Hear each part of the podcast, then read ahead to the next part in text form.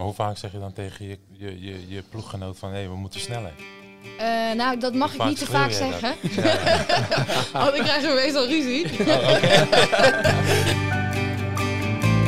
Sportcafé De Wereld opent deze week haar deuren voor twee sporters met een bijzonder verhaal weer. We ontvangen een wereldkampioen zeilen, Annemiek Bekkering, die een brandende ambitie heeft als het gaat om de Olympische Spelen. Nee, maar zo'n zo'n WK-titel is echt super mooi. En eh, die zou ik ook echt niet zomaar willen inwisselen. En die heb je nodig om, om die weg naar de Spelen toe te, af te leggen. Robert Andriga is een volleyballer, onderdeel van de lange mannen. En een sporter die meerdere grote blessures heeft moeten overwinnen op weg naar de top. Ik moet zeggen, ehm, fysiek was ik toen vrij snel weer fit. Alleen mentaal heb ik best wel wat ballen die dicht bij het net waren laten vallen. Samen met Francisco Elson praten we over uitkomen voor je land, de Spelen als hoogst haalbare, topsport, trainen, herstellen en ook nog heel veel andere zaken. Sportcafé De Wereld is bij deze geopend. Mijn naam is Etienne Verhoef. Heb je wat met zeilen? Ja. Ja? Vertel eens, wat is jouw laatste zeilervaring? Nou, de Big Escape. De Big Escape. Ja, was een Ja. kano. Dat telt niet, dat Oh, ik net gehoord. telt dat niet? Nee, dat Nee, telt niet. Oh, Kano is Maar het is toch ook een beetje varen? eh, Hè? Nee, Nee. Annemiek, zeg het eventjes. Nee, sorry, maar kano is geen zeilen. Nee. Het drijft en het is varen, maar nee. Oh, Er zijn nu zeven Nou, was- kanoers die boos In worden dat nu. opzicht was ik eigenlijk de mast. Nou, oké, als je het zo bekijkt, Ja. als je dan een t-shirt uithangt, dan komt het weer in de buurt van Ja, en zeilen. ik wil dat goddelijke lichaam van mij, wilde ik echt laten nemen. Ja, ja, ja. Nee, nee, nee. Maar dat is, dat, is dus, dat is dus niet zeilen. Nee, Oké, Nee, jammer. echt Nou, dan heb ik het eh, nog nooit gedaan. Nee, nog nooit. Eh, jij, Robert, heb je al eens gezeild? Ik heb eh, een aantal jaar terug op vakantie eh, twee weken rond de Middellandse Zee gezeild. Gewoon een beetje relaxed. Ik was heel relaxed, ja. Ja. Ik liet het werk doen. Eh, dat is oké. Ja. dat is heel- En, eh, heb je wat met volleybal? Heb je wel eens gevolleybald? Het is wel de lange mannen natuurlijk. Ben je nooit gevraagd voor het nationale team? Want als jij staat bij het net, dan... Is er nog een plekje over? Nou, eh, kom vanmiddag maar mee, even mee, ja. Ja, is dat zo? Half vijf. Ja? Ja, en dan eh, misschien eh, ben ik dan de, eh, de waterdrager of zo. Maar nee, volleyballen kan ik echt niet. Nee? Nee, maar je hoeft alleen maar te blokkeren. Ja, ik begrijp het. Uh, 3 meter 10 en bij het volleyballen hangt hij. 2,43 het net. 2,43. Ja. Als jij met je armen gestrekt staat, dan kan niemand er meer langs, toch? Ja, kijk, ik, ik, 2,8. heb, ik heb nooit echt blessures gehad aan mijn gezicht. Alleen mijn neus een stukje. En ik denk dat ik nog wel een, ja, een leuke vertoning heb. Hè, in mijn gezicht. En ik wil die niet... eh, Het is een podcast, dus niemand ziet het. Hè? Het is radio, het is geluid. Nou, jammer. nou. Nee, ik, ik zou het wel... Ik, ik ben vaak geweest. Ja. Ik vind het een geweldige sport, zoals korfballen. Maar ik vind volleyballen echt top. Annemiek, heb je wat met volleybal? Eh, toen ik vijf was, zat ik bij de Vosjes. Ja. Volleybal mocht ik alleen nog overgooien. Nog niet echt eh volleyballen, maar daar zit wel eh, bij gebleven. Oh, ja. oké. Hoe is het voor jou? Want het is een beetje de lange mannenclub, hè? Ik bedoel, voor de mensen die, die, die niet Ja. kennen, je bent niet de grootste. hè? Eh, nee, ik ben zeker niet de grootste. Dus toen ik hier aankwam, dacht ik wel, eh, wow. Want hoe groot ben je? Ik ben 1,60 En is dat nou een voor- of een nadeel als je zeilt? Eh, het is eigenlijk een nadeel bij onze boot. Omdat we in de trapeze staan, is het beter om zo lang mogelijk te zijn. Maar eh, Annette... Ja, maar ze is al gekwalificeerd voor de Spelen met Annette. Dus Oh, jammer, joh. Ja. Nee, maar Annette is wel eh, groot. Annette is 1,80 meter. Dus, eh, dus we, ja, samen komt het wel goed. Maar eigenlijk is langer wel beter. Maar eh, ja, ik ben klein, dus ik kan wel lekker snel, eh, wel lekker snel bewegen. Ja, want je zegt in onze boot, voor de mensen die niet zoveel van zeilen weten, leg eens uit wat voor boot varen jullie? Eh, ik vaar een tweemansboot en eh, wij staan beide in de trapeze. Eh, dus we zijn ingehaakt en eh, ja, we staan gestrekt op de boot naar buiten. En eh, we hebben twee zeilen en als we de wind van achter hebben, hijsen we nog een derde zeil. En we hebben veel zeil. Dus hij is eigenlijk altijd een beetje overpowered, zoals we dat noemen. Dus hij wil altijd omslaan. En ja, we moeten er altijd tegen inhangen en werken met schoten om ja, zo hard mogelijk te gaan. En, Hoe doen jullie dan met gewicht? Ik neem, ik neem aan dat zij wat zwaarder weegt dan jij. Ja, zij weegt zeker wat zwaarder. En nee, we hebben een beetje een ideaal gewicht waar we altijd heen proberen te komen. En, eh, Samen. Samen, ja. En wat is het ideaal gewicht voor jullie? Eh, ja, het is rond de 130, net wat meer dan 130. Dus eh, ja, we stoppen er ook echt wel tijd in om daar op gewicht te komen. Maar we zijn natuurlijk afhankelijk van de wind. Als er weinig wind is, dan, eh, dan is het lekker om wat lichter te zijn. En als er veel wind is, dan eh, willen we zo zwaar mogelijk zijn. Dus dan hebben we trucjes met kleren. Of eh, we dragen bijvoorbeeld een helm met veel wind. Dat ziet er een beetje dom uit, vinden wij. maar eh, ja, of je denkt, het is voor de veiligheid. Maar ja, we zijn op zo'n niveau dat je echt niet per se eh, je hoofd stoot tegen Ja, giek. Maar ja, wij doen het vooral gewoon voor het gewicht. Het zit gewoon weer 500 gram. maar zit er een regel aan dat je zoveel kleding aan mag doen? Want dan kan je je voorstellen dat je zeg maar helemaal kan beladen met... Ja, nee, er zijn wel regels. Het is gewoon maximum gewicht aan kleding wat je mag doen, wat, als het nat is. En per item zit er ook echt wel zit er grens aan. Ja, je mag niet zomaar een trui aantrekken van vlies, dat je denkt, nou, nu ben ik even lekker eh Ja, ja. extra zwaar, ja. lode vest eroverheen. Dus Ja, voordat je, precies. voordat je Ja. Ja. nog even gewogen of zo. Eh, nee, in principe niet. Maar ze kunnen na de wedstrijden komen en dan zegt de jury: eh, trek je kleding uit en eh, leg alles op de weegschaal. Oké. Ja. Oh. Eh, je bent net terug Eh, ja, een paar dagen terug, maandag Ja. teruggekomen. uit, ja, uit Japan. uit Japan weer. Ja, ze hebben de hele zomer in Japan eh, doorgebracht om het water te leren kennen. We zijn natuurlijk mega afhankelijk van de omstandigheden, van het water, van de wind, van eh, geografie daar. En eh, ja, veel kunnen varen. Is dat heel anders dan in de rest van de wereld? Eh, Japan? Ja, Japan is best wel bijzonder, omdat de zee is best wel extreem. Dus af en toe komt er zo'n tyfoon over en dan zijn er echt vier meter grote golven. En eh, ja, met de tyfoon zelf varen we niet, maar de dagen ervoor en daarna dan... eh, Ja, dat is, dat is, heel- ja, is wel lekker. Ja. weet je. We willen het een beetje uit zijn ook met die wind. Kunnen we een beetje testen hoe het met gewicht is. Ja, nee, dat slaan we wel echt even over. Maar eh, ja, die golven dan is echt wel spectaculair. En eh wij vinden, Annette en ik vinden dat echt wel heel tof, die golven.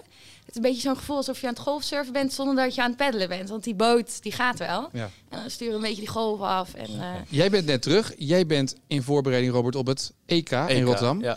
Jullie hebben natuurlijk net een OKT gehad. ja, klopt. eh, dat Ja. net, eh, net één wedstrijd te veel was. Ja, uiteindelijk wel, ja, helaas. Ja, Ja, eh, nou ja, we speelden het, de laatste wed- dus alles beslissende wedstrijd tegen de nummer 2 van de wereld, de, de Verenigde Staten. Dus het was al een heel, ehm, heel groot wonder geweest eigenlijk als we, het, als we ze hadden verslagen. Maar we maar waren, hebben de lange mannen wel op de kaart gezet, toch, bij dat OKT? Want Ja, jij was heel lovend wel. over wat jullie gedaan hebben. ja, dat, dat denk ik ook, omdat we, we waren wel heel dichtbij. We zijn zeg maar niet van het veld eh, afgeslagen. Ja. En eh, misschien was dat wel een beetje de, de verwachting van tevoren. Maar eh, nee, we hebben het eigenlijk heel goed gedaan. En daardoor was de teleurstelling ook eh, nog wat groter. Omdat we er echt wel dichtbij, eh, dichtbij zaten. Maar was dit de beste kans? Mm, nou, er komt nog een kans in januari. Alleen daar doen alle top-Europese landen aan mee. Eh, minder landen die al gekwalificeerd zijn. Dus eh, vanuit Europa zijn dat Polen, Italië en Rusland. Die zijn al gekwalificeerd. Dus de top 8 daaronder eh, doet nog mee. Maar dat zijn ook ontzettend goede teams als Servië en Frankrijk. Die ook gewoon ja, in de top van de wereld staan. Dus misschien was dit wel makkelijker in de zin van dat je drie wedstrijden moest winnen en dan ben je geplaatst. Want eh, het toernooi in eh, januari gaat, er zijn twee pools van vier en dan halve finale en finale. Dus de kans dat daar wat niet goed gaat is iets groter dan, eh, dan in drie wedstrijden. Ja, dat is waar. Maar nu eerst het EK natuurlijk dat, dat aan het wachten. Hoe, hoe train je daarvoor? Hoe bereid je daarop voor? Want jullie, zijn jullie spelen normaal. Je speelt in het buitenland. Heel veel collega's spelen denk ik in het buitenland.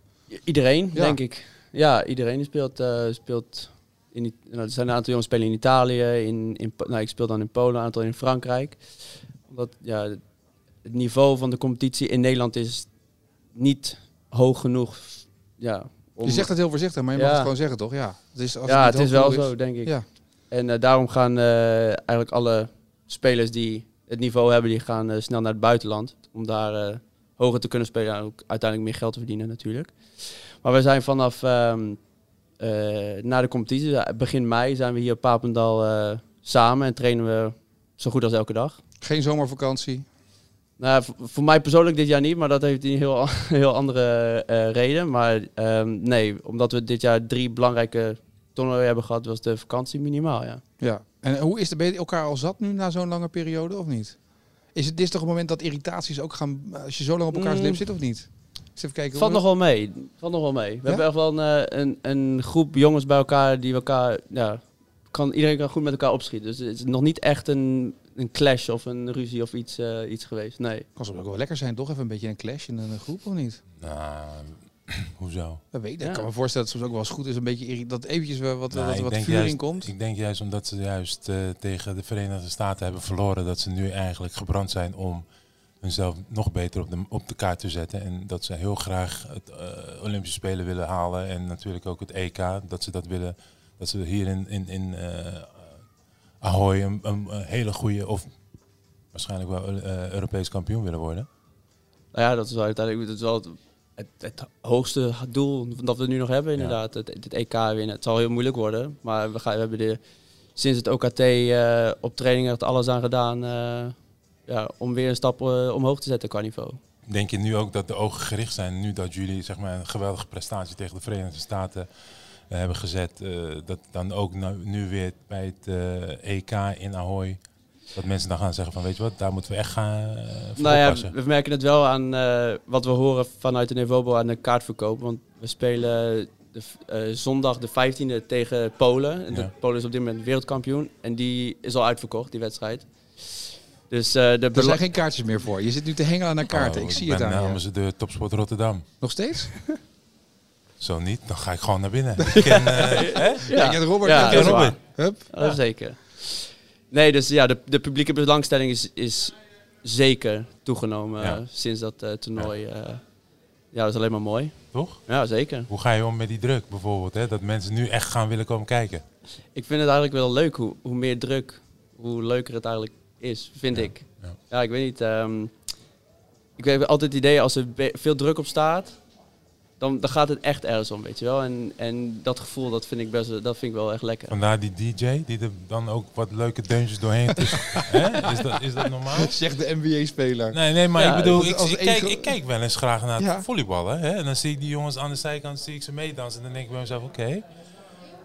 Nee, NBA hebben dat toch ook? Staat ook beroemd omdat die Ja. gasten, die, eh, terwijl trouwens eh, volgens mij het hele Ja, maar dat- D66-congres loopt nu maar- leeg. Hè? Dus dan, Maar dat is dan niet tijdens de wedstrijd. Hè? Dat zijn die spelers die helemaal niet spelen. Ja, dat interesseert me niet. Maar de topspelers die zouden dat eigenlijk nooit doen bijvoorbeeld. Charles Barkley heeft ooit YMCA gedanst in time-out twee Ja, minuten maar voor het Charles einde van de Barkley is wedstrijd. vergane glorie. Dat is niet meer belangrijk. We hebben het over die periode nu, Etienne. Oh, sorry. Nee, maar ik, ik zie dat wel eens. En dan zie ik ook die dames aan de zijkant en zo, die DJ. Maar dat houdt je dus ontspannen.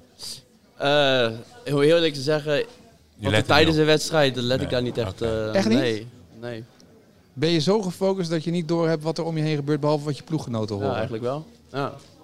ja. Ik weet bijvoorbeeld ook nooit eigenlijk waar mijn ouders of zo, of familie zitten. Die zie ik pas na de wedstrijd en dan, oh, oh daar zaten ze. Ja. Ja. Weet niet, dat, vanaf het moment dat je die sport al inkomt, is het echt gewoon eh ja, oogkleppen op, zeg maar. En, eh, ja. Ja, ik voel me dan. Ik, kijk, ik ben ook altijd nou, nou ja, topsport geweest. Maar ik vraag me dan ook af hoe jij je dan bijvoorbeeld voorbereidt op zo'n wedstrijd. Hoe ga jij de, de zaal in? Hoe sluit jij jezelf af van. Het is eigenlijk elke wedstrijd hetzelfde, denk ik. Gewoon de wedstrijden die dan, de belangrijke wedstrijden, niet belangrijker maken dan dat ze zijn. Dus ehm, hetzelfde voorbereiding voor zo'n wedstrijd als tegen Amerika, als die tegen Zuid-Korea die we twee dagen daarvoor speelden. Ehm, ja, hoe dat is. Heb je ritueel, heb je vaste gewoonten? Heb je gebruiken die je altijd doet?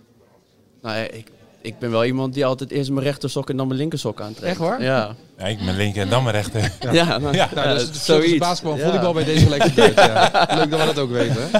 Nee, ja, Maar, dat, dat is, maar heb je vaste patronen dat je gewoon zegt, ik, doe, ik ga op zo laat een uur voor de wedstrijd wil ik daar zijn of een half uur voor de Ja, dat wedstrijd? hangt vaak bij ons eh, van het eh, programma van, ja, van die dag af, zeg maar. Mhm. Ehm, stel we spelen om vijf uur s avonds, dan zal de lunch zijn om half één, één uur. Dan is het een klein middagdutje. En dan eh, zijn we anderhalf uur van tevoren vaak in de, in de sporthal. Ja. Anderhalf uur tot uur en een kwartier. En dan heeft iedereen eigenlijk een half uurtje zijn eigen tijd. Doet iedereen wat hij wil om, om zich voor te bereiden. Waar zet je koptelefoon op dan? Of, eh, Nee, in de kleedkamer wordt vaak muziek ook, eh, ook gedraaid. En Was het de meezinger van de, van de lange mannen? de meezingen van dat lange mannen. Waar, waar gaan jullie helemaal op los? YMCA zei je toch? Nee, dat is bij basketbal. Ehm, hebben, jullie, hebben jullie een vast nummer dat je opzet na een overwinning? Of een vast nummer dat je oppept voordat je... nou, vorig jaar hadden we heel erg, eh, ik weet niet hoe dat nummer heet, maar dat eh, Je mag ging, gewoon ging over de trein. Nee, dat, dat, lijkt me, dat lijkt me niet handig. Dat ging over de, ehm, over de, de tjoek tjoek van de trein. Ik weet niet, het was een, een Nederlands rapnummer, ik weet de titel niet, maar dat was de, de meezinger. de ja. meezinger, oké. Ja.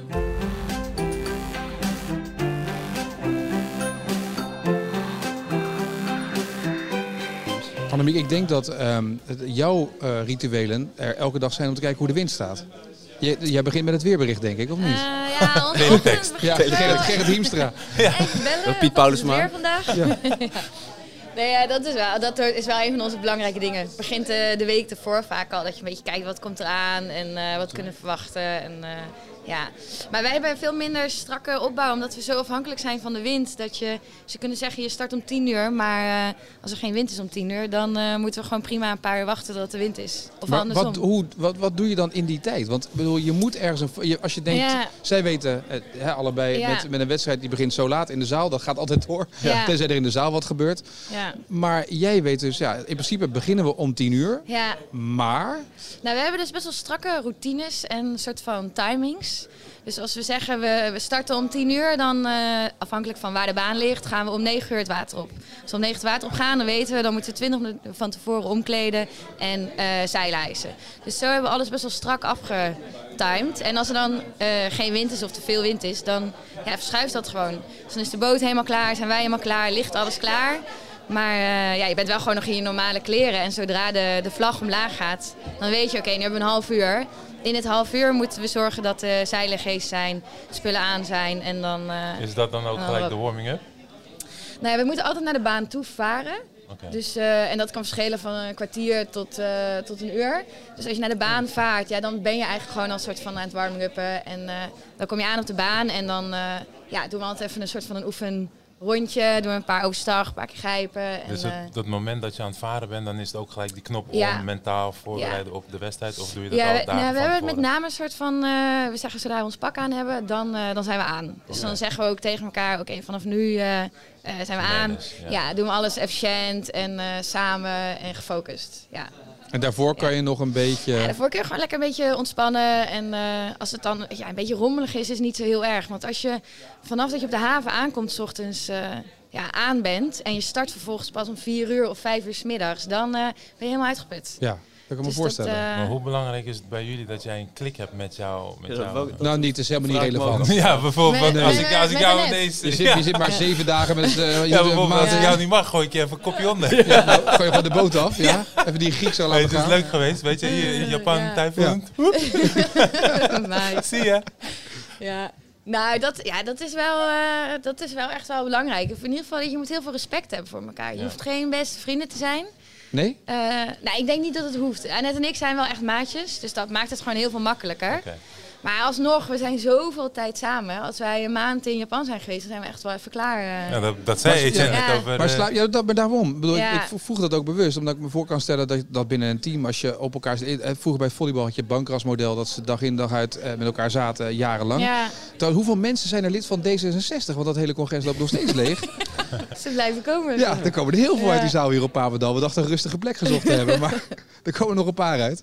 Ehm, maar met, met z'n tweeën, je reist samen. Eh, Je op Nee. één hotelkamer? Eh, nee, Zit wij op- zitten eigenlijk altijd in eh, huizen of appartementen. Altijd via Airbnb. Dat of, je eigen eh, kamer hebt, ja, in ieder geval. Ja, we Ja. zijn ook nooit... Ja, het kortste periode dat wij weg zijn meestal is tien dagen. Mhm. En eh, max is zes weken. Dus dan zoeken we echt wel een huis... eh, ja, dat je niet alleen maar op je kamer hoeft te zitten. En we proberen veel te combineren met andere teams. Of als we met een groter team gaan, dat we, dat we mixen. Dat we niet, eh, ja, niet gek van elkaar worden. Maar soms zijn we wel eens jaloers hoor, op die grote teamsport. Dat we denken, ah, dan kun je even, je even naar de een of naar de ander. Of als je klaar bent met die. Of, Ja, dat is eh, bij ons wel zo natuurlijk, wat bij jou ook geweest. Van, Je hebt altijd wel een betere klik met Ja, een aantal personen uit je team dan met anderen. Ja, dan ga je gewoon dan automatisch wat minder mee Ja. op, op, omweg. Om. Dus, Maar is eh, dat zo? Want jij hebt het nu, volgens mij is het in Amerika nog wel anders in een team. Ja. Want iedereen gaat daar, je komt binnen, je gaat weg en je hebt je eigen ding toch ongeveer, of niet? Inderdaad, je hebt je eigen kamer sowieso. Dus je maakt je eigen BV'tje, eenmanszaak.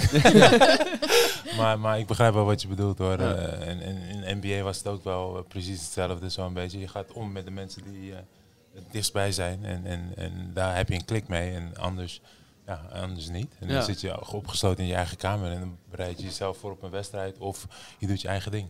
Maar ik heb het idee ook wel dat wij Nederlanders socialer zijn. De, de teams in Nederland zijn socialer dan Amerikaanse teams. Het is niet zo dat Tim Duncan tegen jou zegt, kom Francisco, we gaan even, we gaan even een potje... jawel, sjoelen met elkaar. Jawel, jawel, het is precies hetzelfde. Julep misschien niet, maar... Nee, misschien niet, maar, maar een hapje eten. Hè. Zoals, ik bedoel, je hebt een, een, een, een vaste groep waarmee je of gaat lunchen, of gaat di- dineren, hè, of gaat basketbal, vrijworpers gaat schieten of zo, of een spelletje gaat doen. Dat denk ik ook bij het volleyballen natuurlijk. En dan sluiten er heus wel een paar jongens aan. Naarmate zij zien dat het eh, misschien leuk is, dan denken ze van, weet je wat, ik wil met Robert eh, gaan lunchen of zo. Dan gebeurt dat gewoon. Dat is hartstikke leuk, mij. Ja, ja, hij is hartstikke aardig. Zie je hoor? Hij trakteert altijd. Ja. Dus, eh, Oh, nou, bestel vast.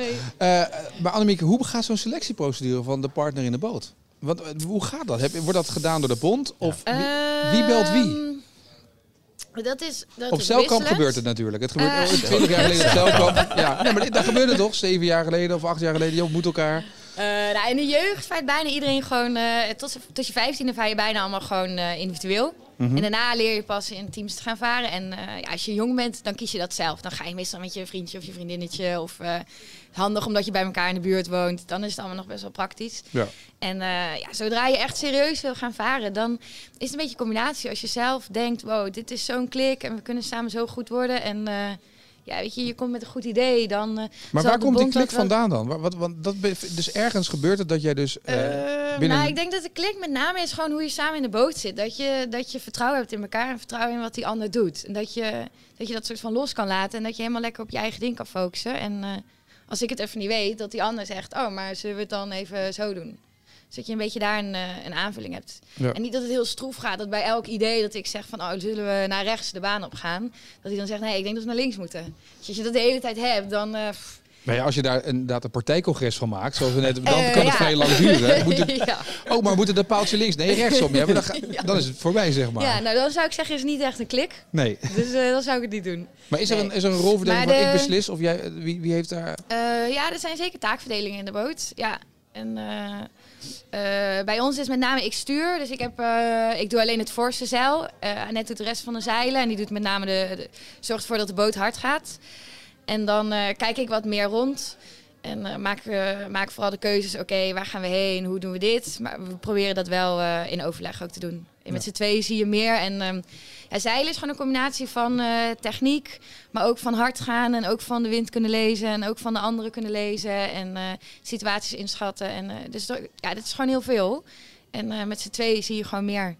Dus dat probeer je samen zo goed mogelijk te doen. Ja, maar je moet alles dus op dat moment beslissen ongeveer. Ja, en dat is wel eh, wat, wat het leuke is aan zeilen, maar ook wel wat het eh, soms echt wel heel zwaar maakt. Je moet zo snel kunnen beslissen en zo, zoveel beslissingen. En eh, je gaat er altijd een paar fouten hebben in de wedstrijden.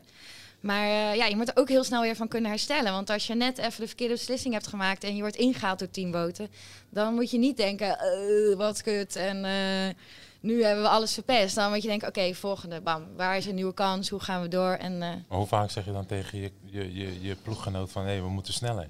Eh, nou, dat mag ik niet te vaak zeggen. Ja, ja.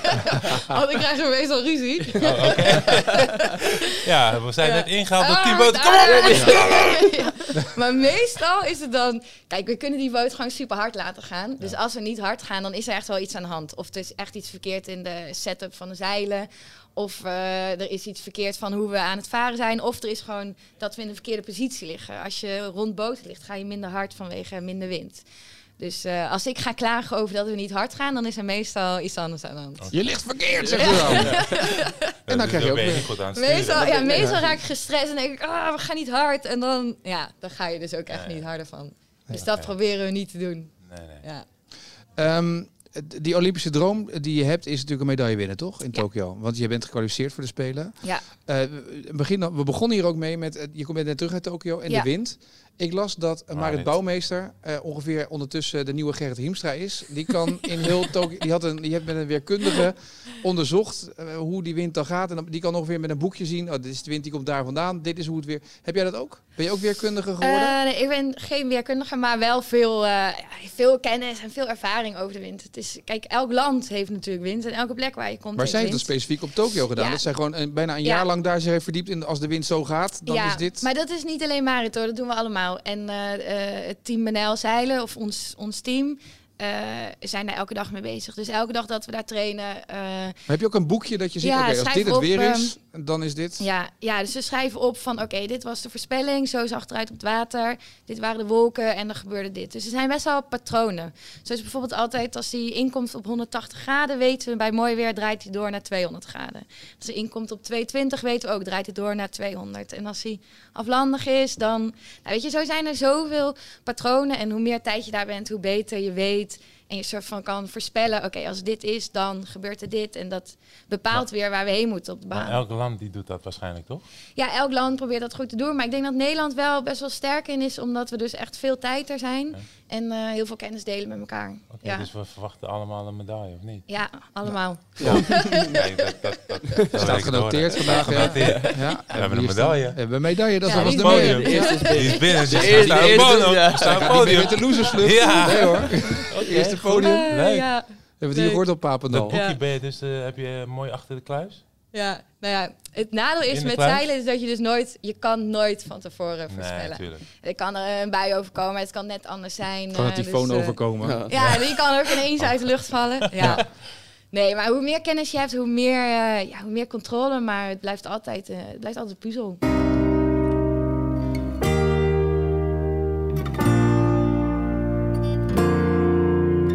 Robert, in de voorbereiding op dit eh, gesprek met jou ook hebben we eh, nog wel eventjes natuurlijk wat verhalen erbij gepakt. En een van de verhalen die steeds terugkomt bij jou is geloof ik Robocop 2.0 of Robertcop 2.0. Eh, d- dat jij zeg maar van een dubbele beenbreuk bent teruggekomen en daarna nog een keer weer wat breekt. Dat is een beetje wel eh, op de mo- be- kenmerkende moment ook hè, WK missen daardoor. Nou ja, ik, ja, acht jaar geleden had ik mijn scheen- en kuitbeen gebroken. Ja, daar zit nu een, een titanium pin in mijn scheenbeen van mijn knie tot aan mijn enkel. En eh, ja, sinds eh, maart zit in mijn rechter middenvoetsbeentje ook weer eh, een stukje metaal. dus vandaar de naam Robocop, Roboleg. Ja. Dus ja, van mijn rechterknie tot aan mijn rechter kleine teen is titanium. als jij vliegt naar het buitenland gaan alle alarmbellen af. Dat nog net niet, want de titanium wordt niet door de Oh, dan scanners wordt die- daar kan je gewoon mee gezien. door. Dus ik piep nog niet. Nee, maar, maar eh, eh, hoe moeilijk is het om van die eerste blessure terug te komen? Want je bent jong, tuurlijk. Dat begrijp, want je was er nog, die was 19 toen? Klopt Twint, dat? eh, 20? twin- ja, 20. 20, ja. Dan is je lichaam herstelt nog redelijk snel. Maar eh, ik kan me Brecht Rodeburg ooit nog herinneren. Die is nooit meer echt op dat hoogste niveau volledig teruggekomen.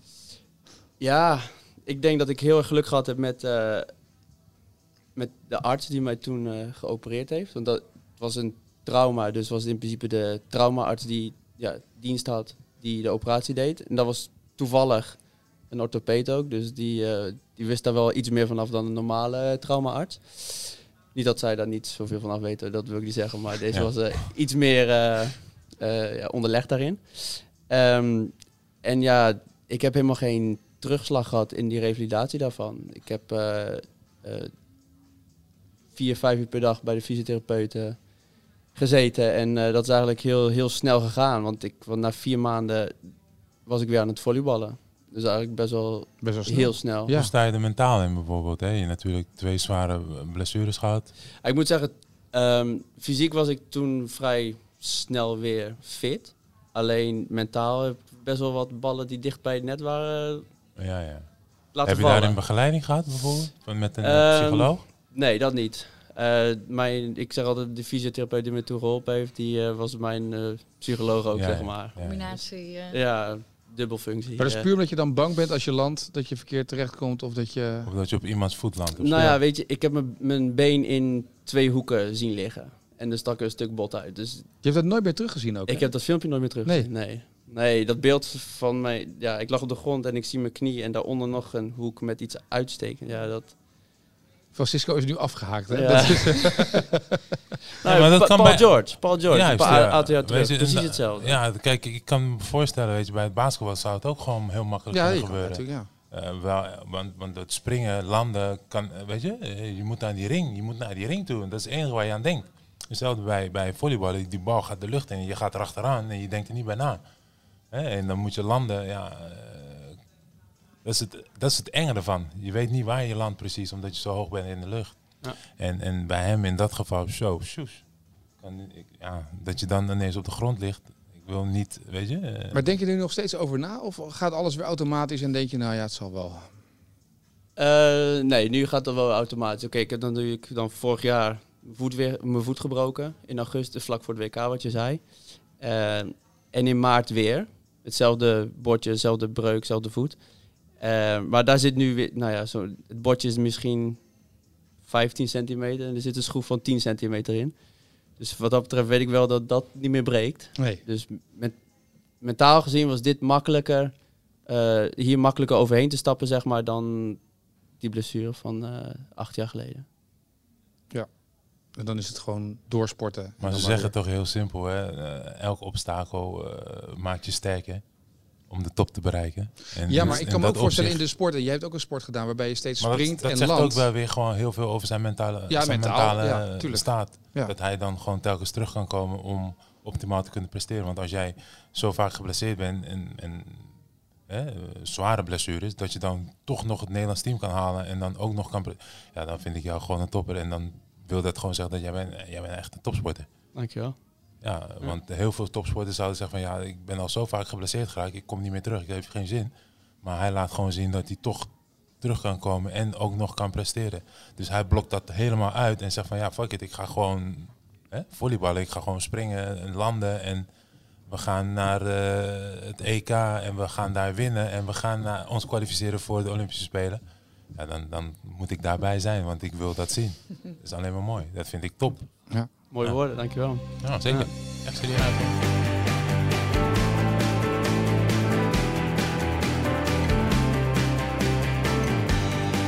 Eh, jongens, deze podcast heeft als ondertitel ook 10.000 trainingsuren. Ehm, zitten die trainingsuren op het water voor jou, Annemiek? Of zitten die trainingsuren in, in kracht? Of waar, waar zit het hem in? Ik denk dat wij 10.000 euro op het water zeker moeten maken. En dan daarnaast al die eh, fysieke training. Wij doen best wel veel fysiek daarnaast. We doen vijf, zes dagen in de week eh, afwisselend kracht en veel fietsen. Maar die 10.000 euro moet je gewoon op het water gemaakt hebben. Omdat je dat technisch eh, heb je gewoon nodig. Maar op een gegeven moment weet je toch hoe het gaat met hem. Waar kan je nog technisch in verbeteren? Ja, dat zou je denken. Hè? Als ik er nu Je ook zo terugkijk, denk ik, nou, dat moet je gewoon Hij is kunnen. En, eh, je moet, je moet, en je moet zelf goede.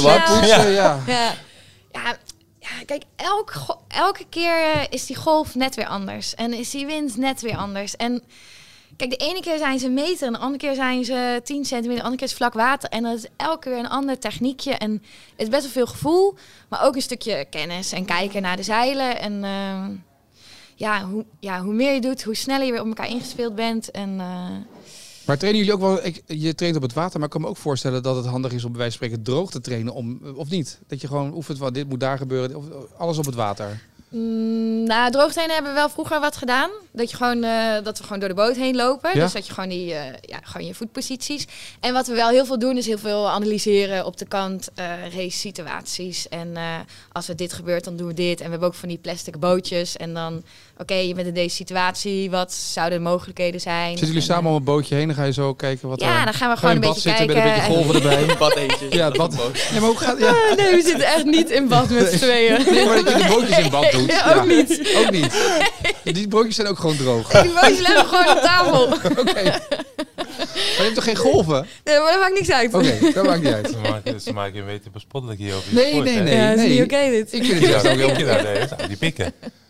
Ga je nou een beetje zitten stoken hier? Nee, het zijn wel topsporters. Nou, maar, ik, maar daarvoor ben ik heel Ze benieuwd hoe moeten dat gewoon een keertje mee het water Ja, op en dan... eh, dan gooi je hem bij de moedershark. Ja. Ja, de moeder met de moeder. Maar ja, Ik heb net geleerd dat ik me moest vasthaken, ergens zo'n dingetje.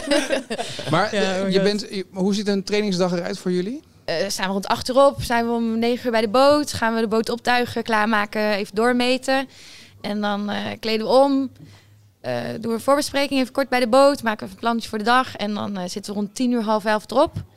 Als we op het water zitten, dan doen we onze oefeningen. De ene keer is het speed, de andere keer is het start, de andere keer is het eh, technisch. Het kan een beetje van alles zijn. Nou, train je van half 11, half 12, half 1, half 2, ongeveer 3 uur. En dan eh, kom je terug op de kant, moet je aftuigen, schoonmaken, eh, even snel omkleden en wat eten. Uh, een nabespreking, dus dan zal het half drie of zo zijn. Ben om drie uur klaar. En een beetje afhankelijk of de boot goed is of dat je nog wat wil klussen, ben je dan nog een uurtje bezig. En dan eh, doen we daarna nog een eh, fysieke training. En dat kan kracht zijn of... eh, Maar je moet de hele maar boot ik, ik, hoor alleen maar, ik hoor alleen maar de boot, de boot, de boot. Ja. ja, de Wat boot is Wat wel... about de tegenstander? Eh, wat, je race toch niet alleen?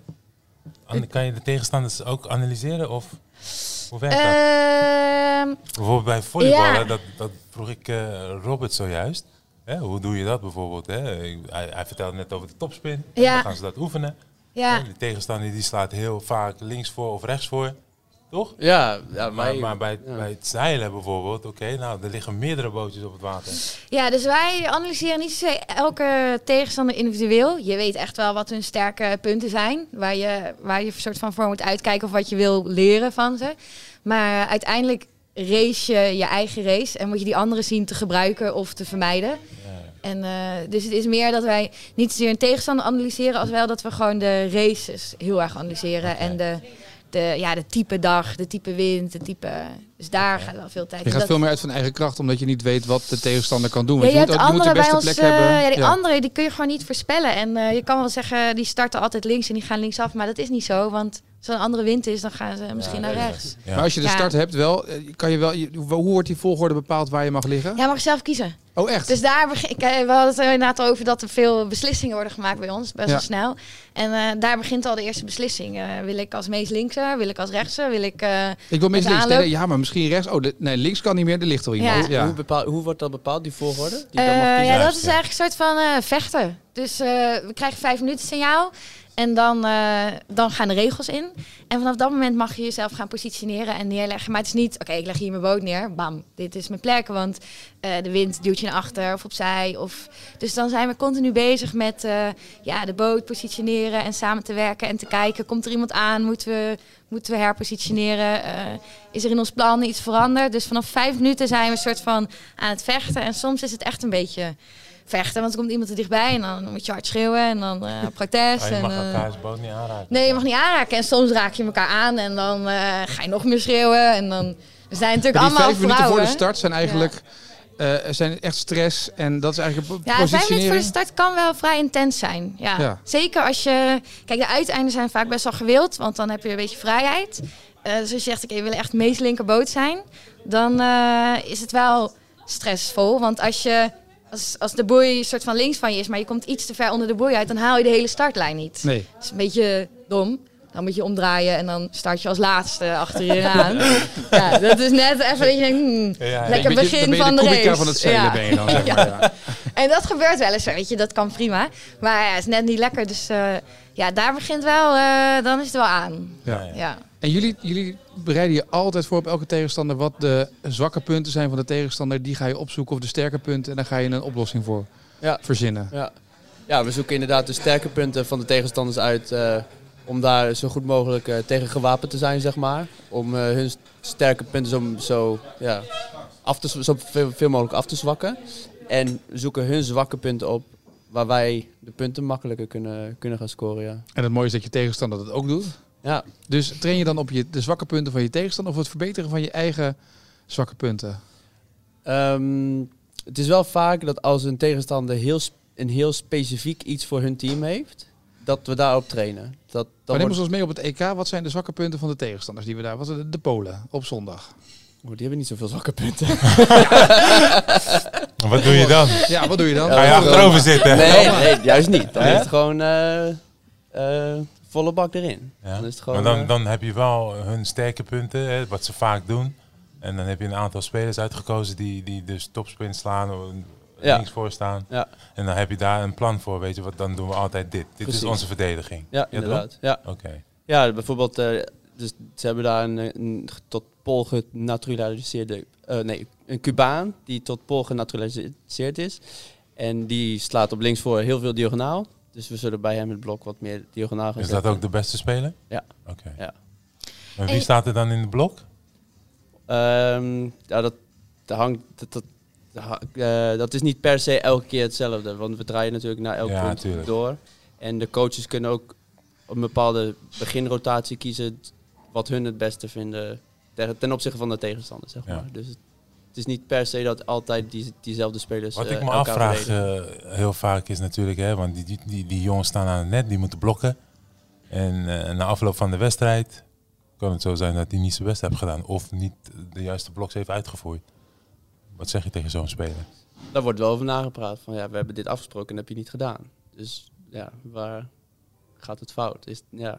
Zegt de coach dat of zegt de, zeggen de spelers dat? Ehm, het is vooral de coach die dat, eh, die dat na de wedstrijd eh, Want de spelers zeggen nooit Nou, dat. ook wel. Ja? Maar die zeggen het meer in de, in de wedstrijd, als het gebeurt, zeg maar. Dus stel, we zouden de, eh, het, recht, het recht door dichtzetten, zeg maar, het blok naast de antenne. En de bal wordt toch tussen de antenne en het blok do- doorgeslagen, dus rechtdoor.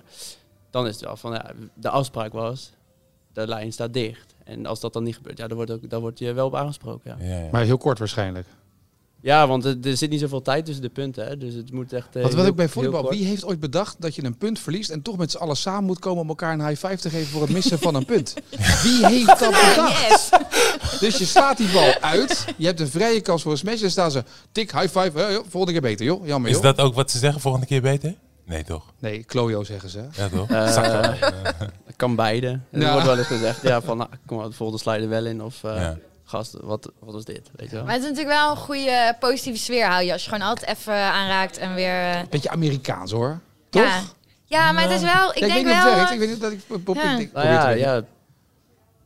Ik weet, ja, het, het zit in volleybal. Ja, Ik- daarom. ja, ik weet, Wie ik weet niet. dat? Ja, dat is een hele goede vraag. Dat weet ik ook niet. Het is echt vanaf de, vanaf de, de jeugd gebeurt het al. Dus het, is, het, is, het hoort er echt bij. Dus ja, ik zou echt niet weten wie Ik zie bij voetbal wel eens dat- mensen zeg maar, elkaar vloeken en tieren in de 16 meter als iemand iemand heeft laten lopen. Als Bij een keeper volleybal schot... ze een knuffel. Nee, ja, ja, bijvoorbeeld. Goed gedaan, joh. Uit, maar leuk joh dat je erbij bent. Ja, maar dat, is, dat gevoel, heb ik ik weet niet wat dat is, maar als het werkt, werkt het, weet je. Dat is de andere kant. Nou, het is wat, wat je zegt, want het is wel weer dat elkaar ja, positief stimuleren. Ja, het hoeft niet altijd natuurlijk. Nee. Ik bedoel, eh, af en toe mag je er wel eens wat van zeggen, maar vaak is het wel het positief benaderen van elkaar. Ja. Ik kan me namelijk herinneren dat wij eh, voor ons basketbal-tv-programmaatje afgelopen jaar bij de Golden State Warriors een hele boze Kevin Durant hebben gezien.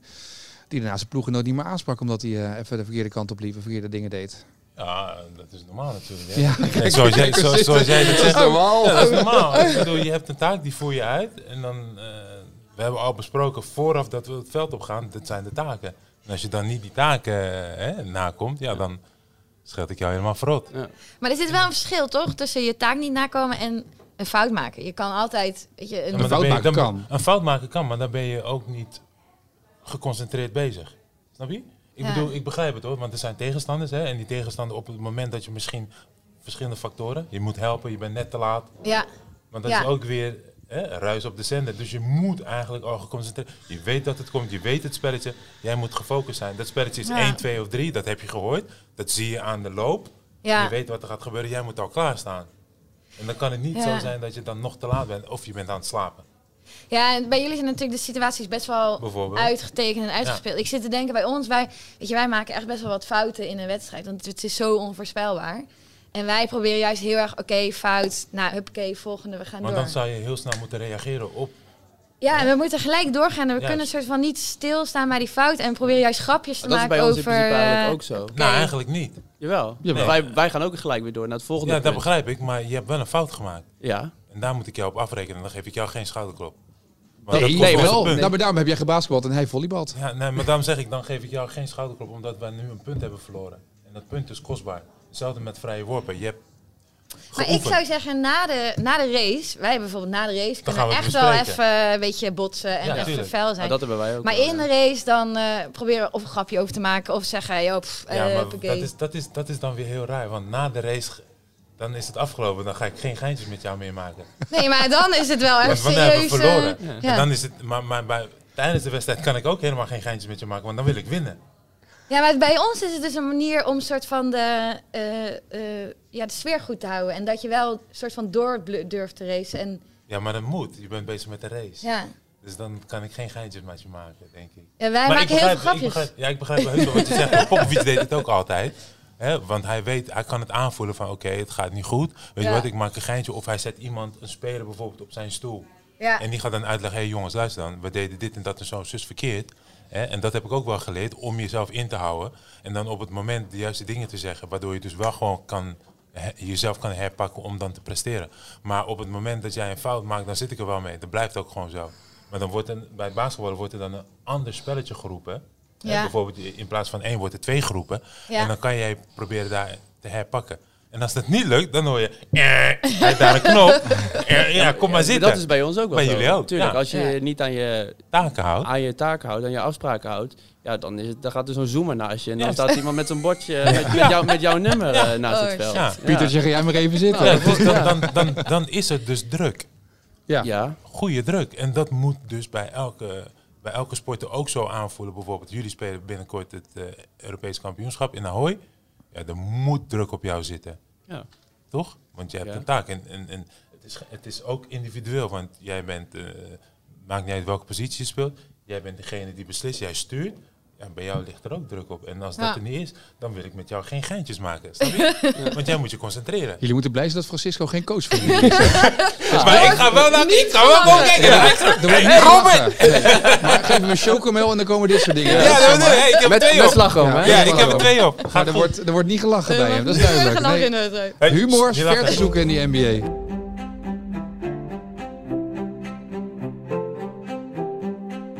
Ik ga wel eens even een stukje zingen of even... eh, Wanneer? Wat zing je dan? nou, als Tijdens wij... eh, ja, maar, Zijn het yoga? nee, maar Het begint over die baby shark. ja. baby. Nee, maar dan varen wij. Dan is het nog twee minuten. Dan is het nog even een klein stukje naar de finish. En dan kan er, weet je, dan hoeven we geen observaties meer. Kan er niks meer gebeuren. Moeten we gewoon, weet je, goed varen. We zijn En dan, eh, erbij. nou, bijvoorbeeld. Ja, dan, dan, Ja, maar wij zijn zo aan het communiceren de hele tijd. Het is belangrijk dat we echt blijven praten. En dan, soms denk ik, ah, ik heb niks te zeggen, maar ik ga gewoon even zingen. Jullie hebben, eh, jij hebt je gekwalificeerd voor Olympische Spelen. Ja. Ehm, jij niet. Jullie hebben allebei een soort van, eh, jullie kunnen nog natuurlijk wel in januari. Eh, je moet dan zo'n OKT een, of een kwalificatietoernooi doen. De- hebt bij, bij schaatsers hebben we dat ook. We hebben geloof ik 521 schaatsers en drie plekken voor de Olympische Spelen. Hoe is dat om dat te doen? Want is- dan, dan, dan heb je natuurlijk wel eh, in twee, drie dagen of een paar momenten moet je vlammen. Dat is het. Weet je, daar zit, het, daar zit de druk op. Een seizoen is gewoon, weet je, wedstrijden varen. eh, is, is een meerderheid, maar dit is gewoon het moment. Hier gaat het om. Zo'n selectie voor de Spelen is altijd echt super spannend. We hebben het voor Rio gedaan en nu, nu weer. En ehm, eh, we zeiden net ook al van eh, het is anders dan een EK en een WK. Dat is mega spannend en eh, leuk en ben je echt wel zenuwachtig voor. En uiteindelijk gaat het goed of gaat het niet goed en daar, dat neem je mee. Maar zo'n selectie, dat heeft toch iets meer van soort van ik mag naar de Spelen ja of nee. Dus het heeft echt wel iets meer gevolg. Ook Omdat al- spelen eens in de vier jaar is en het hoogst haalbare. ja, zeker. Dat is toch wel een soort van een beetje je achterliggende stimulans en droom. En denk van, oké, weet je, die EK en WK's zijn super mooi. Want daarzonder zou je het ook niet doen. Je hebt die echt wel nodig Je bent om... gewoon wereldkampioen, hè, voor de duidelijkheid. Dus dat... Ja, Ja, gewoon. Ja, gewoon. Ja, gewoon. Ja. Maar maar, nee, maar zo'n zo'n WK-titel is echt super mooi. En eh, die zou ik ook echt niet zomaar willen inwisselen. En die heb je nodig om, om die weg naar de Spelen toe te af te leggen. Maar uiteindelijk is die Spelen één keer in de vier jaar en eh, daar ga je voor. Dus als je die selectie hebt, dan ehm, is dat, heb je en die spanning van ik wil je goed varen.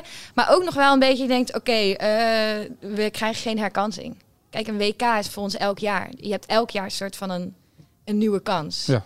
En Maar is, kan je zeggen dat jouw jouw zeilleven eh, is opgebouwd uit elke vier jaar, een periode, cycli van vier Ja. jaar? Want Ja. je gaat van spelen naar spelen en na Ja. de spelen beslis je of je doorgaat met eh, varen of dat je denkt, weet je wat, ik ga op een ander niveau. Ja, ik weet niet of dat bij elke sport hetzelfde is, maar bij ons is dat best wel extreem. Dat die spelen worden echt neergezet als eh, daar gaan we voor. En wij gaan daar vaak twee jaar, drie jaar van tevoren gaan we al naar de.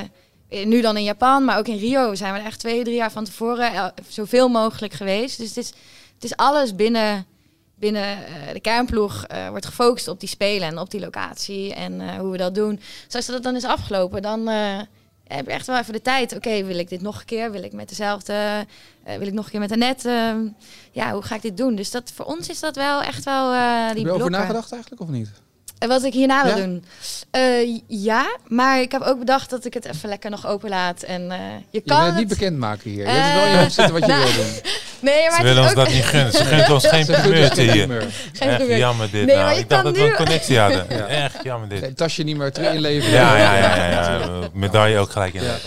nee. nee, je kan nu wel iets denken, maar eh, volgens mij moet je dat gewoon lekker daarna kijken en dan pas echt beslissen. Kijk, nu heb je echt wel een idee, maar uiteindelijk, weet je, na de Spelen, dan, eh, dan merk je wel wat je wil en niet. En, eh, We zouden eigenlijk gewoon na deze Olympische Spelen gewoon nog een podcast moeten maken met alle Even verhalen. kijken met hoe het met ze is, hoe ja. Hoe is het niet meer? Hoe is, dat, is dat voor jou ook elke is dat zo'n Olympische Spelen? Want ja, dat is natuurlijk. eh, je hebt Nederland heeft eh, medailles gewonnen, goud gewonnen. Hè? Dat is Atlanta is natuurlijk eh, staat iedereen voor de geest. Heb jij ook die, die Olympische cycli in je hoofd of niet? Omdat het Nou, niet bij ons is het toch, ik denk iets anders, omdat wij, ons jaar bestaat eigenlijk uit twee delen. Je hebt het clubseizoen en het seizoen met het nationaal team. En ik denk dat, dat het anders is dan voor jou bijvoorbeeld. Jij zit heel het jaar in, voor zeilt het hele jaar Ja. voor Nederland Ja. in die, eh, in die klasse. En ja, ik, ik denk dat dat toch anders is bij ons dan, dan ja, zo'n sport als zeilen. Omdat je. Europees volleybal hebt, je speelt in een ander land, et cetera. Ja. Dat is anders. Ja. Daar zijn de clubbelangen eh groter. ja, je hebt gewoon en- een, een deel van het jaar is gewoon de club het belangrijkste. En dan een deel- het andere deel van het jaar is, is het Nederlands team het belangrijkste. En tuurlijk, in onze sport is het ook, de Olympische Spelen, elke vier jaar is het hoogst haalbare. Dus in die zin is er wel zo'n cyclus. Maar ik denk dat er minder, een mindere echt focus op is dan in eh sport als zeilen. Maar, hoeveel, maar hoeveel wedstrijden heb je nu tot, totaal gespeeld? Want ik begrijp, je, je zegt net, bij volleybal is het twee delen. Je hebt club en nationale ploeg. Maar als jouw clubseizoen is afgelopen, ga jij direct naar het Nederlands team, toch? Ik heb dit jaar dus niet zoveel gespeeld. Ja, oké. Maar normaal gesproken, Normaal ehm, dan heb je eigenlijk helemaal geen rust, hè? Nee, ik denk dat je dat een normale zomer met het Nederlands team tussen de 20 en de 30 wedstrijden is. En dan Oh, een ja. clubseizoen is 30, 40, 50, Ja. soms 60. Ligt eraan eh, ja, hoe goed je het doet, hoe, hoe, ja, hoe lang de play-offs duren en dat soort, eh, dat soort ja. dingen allemaal. Ja. Maar Dus de- op dit moment zou je eigenlijk, als je al die wedstrijden zou hebben gespeeld, zou je vermoeid zijn. ja, dat denk ik wel. Ja. Ja. Zit dat bij je ploeggenoten dat die vermoeid zijn na een seizoen nu? Of eh, is de arbeidsrustverhouding, zoals dat dan zo mooi heet onder coaches, zo goed gereguleerd? Zodat- Ja, want, Ja, ze, ik luister doen ook, want, ze want- zeggen. hè? want ze doen ook heel veel kracht daarbij, toch? Ik bedoel, het is bijna, hoe vaak doen jullie kracht in de week?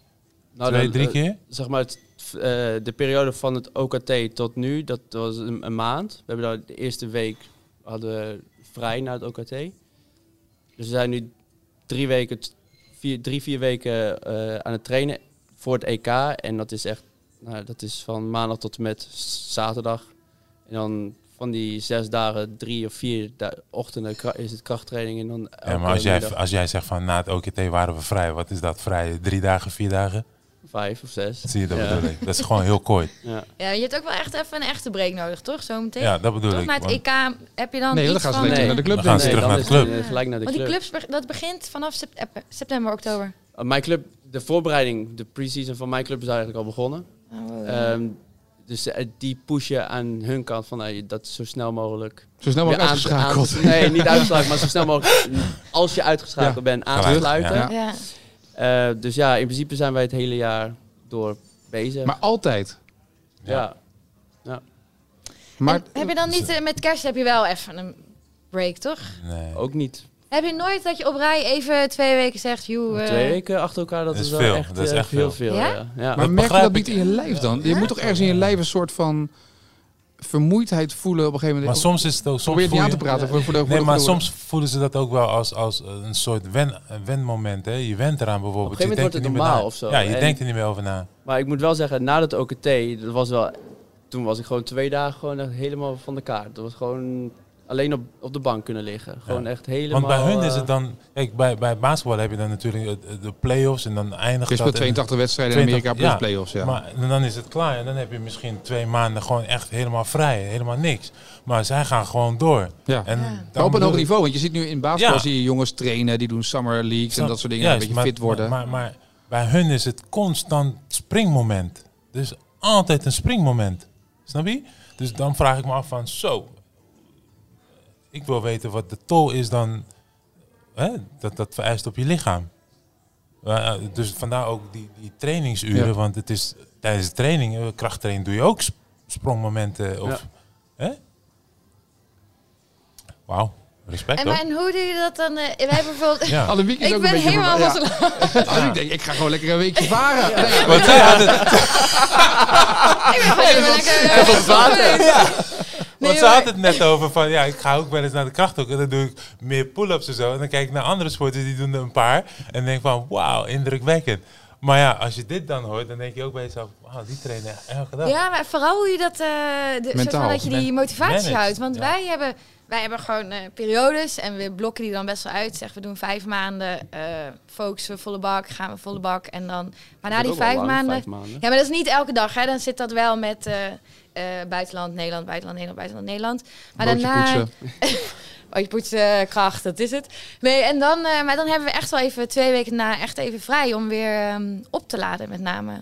Het, het klinkt, ja, het, het klinkt bijna van, je bent aan het trainen. Dat, het is, ik vind het ook fantastisch om te horen dat mensen zo'n inspanning kunnen leveren. Elke dag weer, zes dagen in de week. En dat het dus en kracht is en dat je bezig bent met techniek en je bent aan het smashen. En je bent Oh. aan het, eh, dat, Je merkt wel vaak als je, zoals nu, het EK is, is september. En als je dan gelijk terug gaat naar de club, oktober, no- dan november, december wordt wel echt zwaar.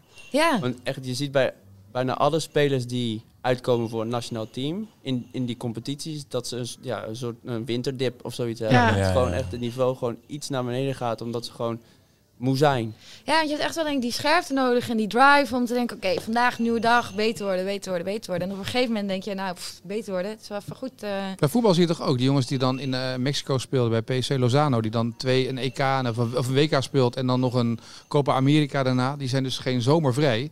Die zie je steeds inderdaad ook november, december eh, langzaam imploderen. Dan is het... ja, ik vind het super knap. Ja. in ieder geval. Ja, is het zeker. Want Ja. toen ik het ook hoorde van volleybal, dacht ik ook wel eens zo. Hoe kan je eigenlijk een heel jaar geen rust hebben gehad? Ja, zo. en direct ook meegaan naar het Nederlands team. En daar ook weer gelijk een zwaar programma draaien bijvoorbeeld. Ja, dan zou ik eh, gek worden. maar dus zijn rustmomenten denk ik extra belangrijk. Of, eh, eh, Ja, momenten Vandaar dat ik je zei dat we vaak wel tussen de middag slapen. Ja, ja. Dus Ja, nu nee, ze middag slaap je ook nog op voor dit gesprek. Ja, maar wat, ja. Sorry. Oh, sorry. Nee, met, ik vind het echt leuk. Dus, eh, Oh, ja, we houden eigenlijk af van zijn van ja, van zijn arbeidsrust. Ja, die arbeidsrustverhouding helemaal Helemaal, naar de eh, knoppen. Ja. valt wel mee. Oh, oké. Maar wat doe je om te ontspannen? Want ik, je, je, je zit hier dan ook nog eens een keer een aantal dagen. Ja, de, de standaard dingen denk ik eh, van Netflix, deze tijd. Netflix, eh, sport. eh, Ik kijk veel sport. Vind ik eh, ja, ontspannend om te doen. Eh, ja, dat, ja, de standaard dingen denk ik. Ja. Maar niet dat je nog eventjes terug gaat om te kijken naar je eigen videobeelden, clips. Mm, ik, nee, ik, ik denk niet als ontspanning zijn. Ik denk dat dat Nee. meer onderdeel is van training. Van werk, of, ja, training, ja. training ja. Zelf nog beter maken, kijken waar je nog kan, eh, kan verbeteren. Ik denk dat dat meer past bij training dan echt bij Maar ontspanning. je kan eigenlijk hier nergens naartoe. Je zit op Papendal. Ja, Ja, dat vroeg ik me ook. Want je zit zeg maar hier, als je intern zit, dan ben je continu alleen maar bezig Met met, sport. het be- met Ja. sport en beter worden. Daar zit een soort van continue druk op. En dat is mooi, maar dat, je moet ergens je kop Ja, leegmaken. maar, maar ik denk ook niet dat dat kan, denk ik. Want ik neem aan dat je een kamergenoot hebt. Ja. ja. Dan kom je sowieso niet tot rust, denk ik. Want die Het ligt aan wie je hebt, hè? Ja, maar ja. Ja. ja, Ja, met mijn camera kom ik niet zo... Oké, Nee. nee. Ja, weet je, want, want Nee, je wil- niet- niet- niet een- de ene wil slapen, de andere wil misschien niet slapen. De ene slaapt langer of de telefoon Ja. gaat af. Ik weet, ik weet niet. Of je maakt daarin afspraken. Maar dan voel je je ook weer zo, zo opgesloten bijvoorbeeld. Ja. Kijk, in de NBA, eh, dan had je gewoon je eigen kamer. Of je ging rond. Maar dat was omdat er geen bedden waren waar twee mensen Ja, liggen. natuurlijk wel. Is waar, hadden ja. suites. Yes. Ja, de suites. De NBA is wel wat anders. eh, Die zorgen echt wel voor je spelers. Maar ja, hier zit je echt op Papendal. En ja, als je ergens iets wil gaan doen, dan, dan kom je nog steeds in die sportomgeving, vind ik wel. En Ja. trouwens, jij hebt niet altijd een eigen suite gehad. Want ik kan me nog herinneren dat jij met het Nederlands team ooit naar het buitenland moest. En dat jij met een tweepersoonskamertje had met Ja, z'n tweeën. één keer. Ja, één Daarna keer. nooit meer. Nooit meer. Één keer, nooit een meer. doorgestuurd. Ja, één keer, nooit meer. Twee, twee basketballers in dit bed. Wat dacht je daarvan? Ja, dat gebeurde één keer, nooit meer. Nee, ik ga niet eh 10.000 kilometer vliegen om met iemand op de kamer te zitten. Nee, nee, nee, nee, nee. nee, nee. Eigen kamer doen. eerst. Ja, ja, zeker. Ik moet tot rust komen. Ja. Nee, maar ik vind het echt knap. Ik vind wat jullie doen, vind ik echt knap. Ik heb daar respect voor, zoals ik het heb gehoord. Maar eh, ja, echt super. Ik wens jullie echt wel succes. Ik Dankjewel. kom echt wel kijken. ja, dankjewel. Ja, nou, je Ja, moet ik weet niet, bij jou, dat weet ik nog niet. Want je Ah, kan net, er lekker op zitten haaien en zo. zitten. Ja. Er zitten haaien en... eh, Je bent er niet bang voor een baby shark? Nou, de moedershark die, die zwemt daar ergens achter. die zwemt daar ergens achter. Hij zegt een haaitje zo, joh. Ja, daarachter. Jongens, we gaan ons eh, sportcafé weer sluiten. Dank dat jullie hier waren. Eh, dank dat jullie de tijd hadden om, hier- om met ons hierover te praten. En eh, nou, de volgende aflevering eh, zal weer binnenkort online staan. Maar eerst deze maar. Hè. Super. Dankjewel jongens.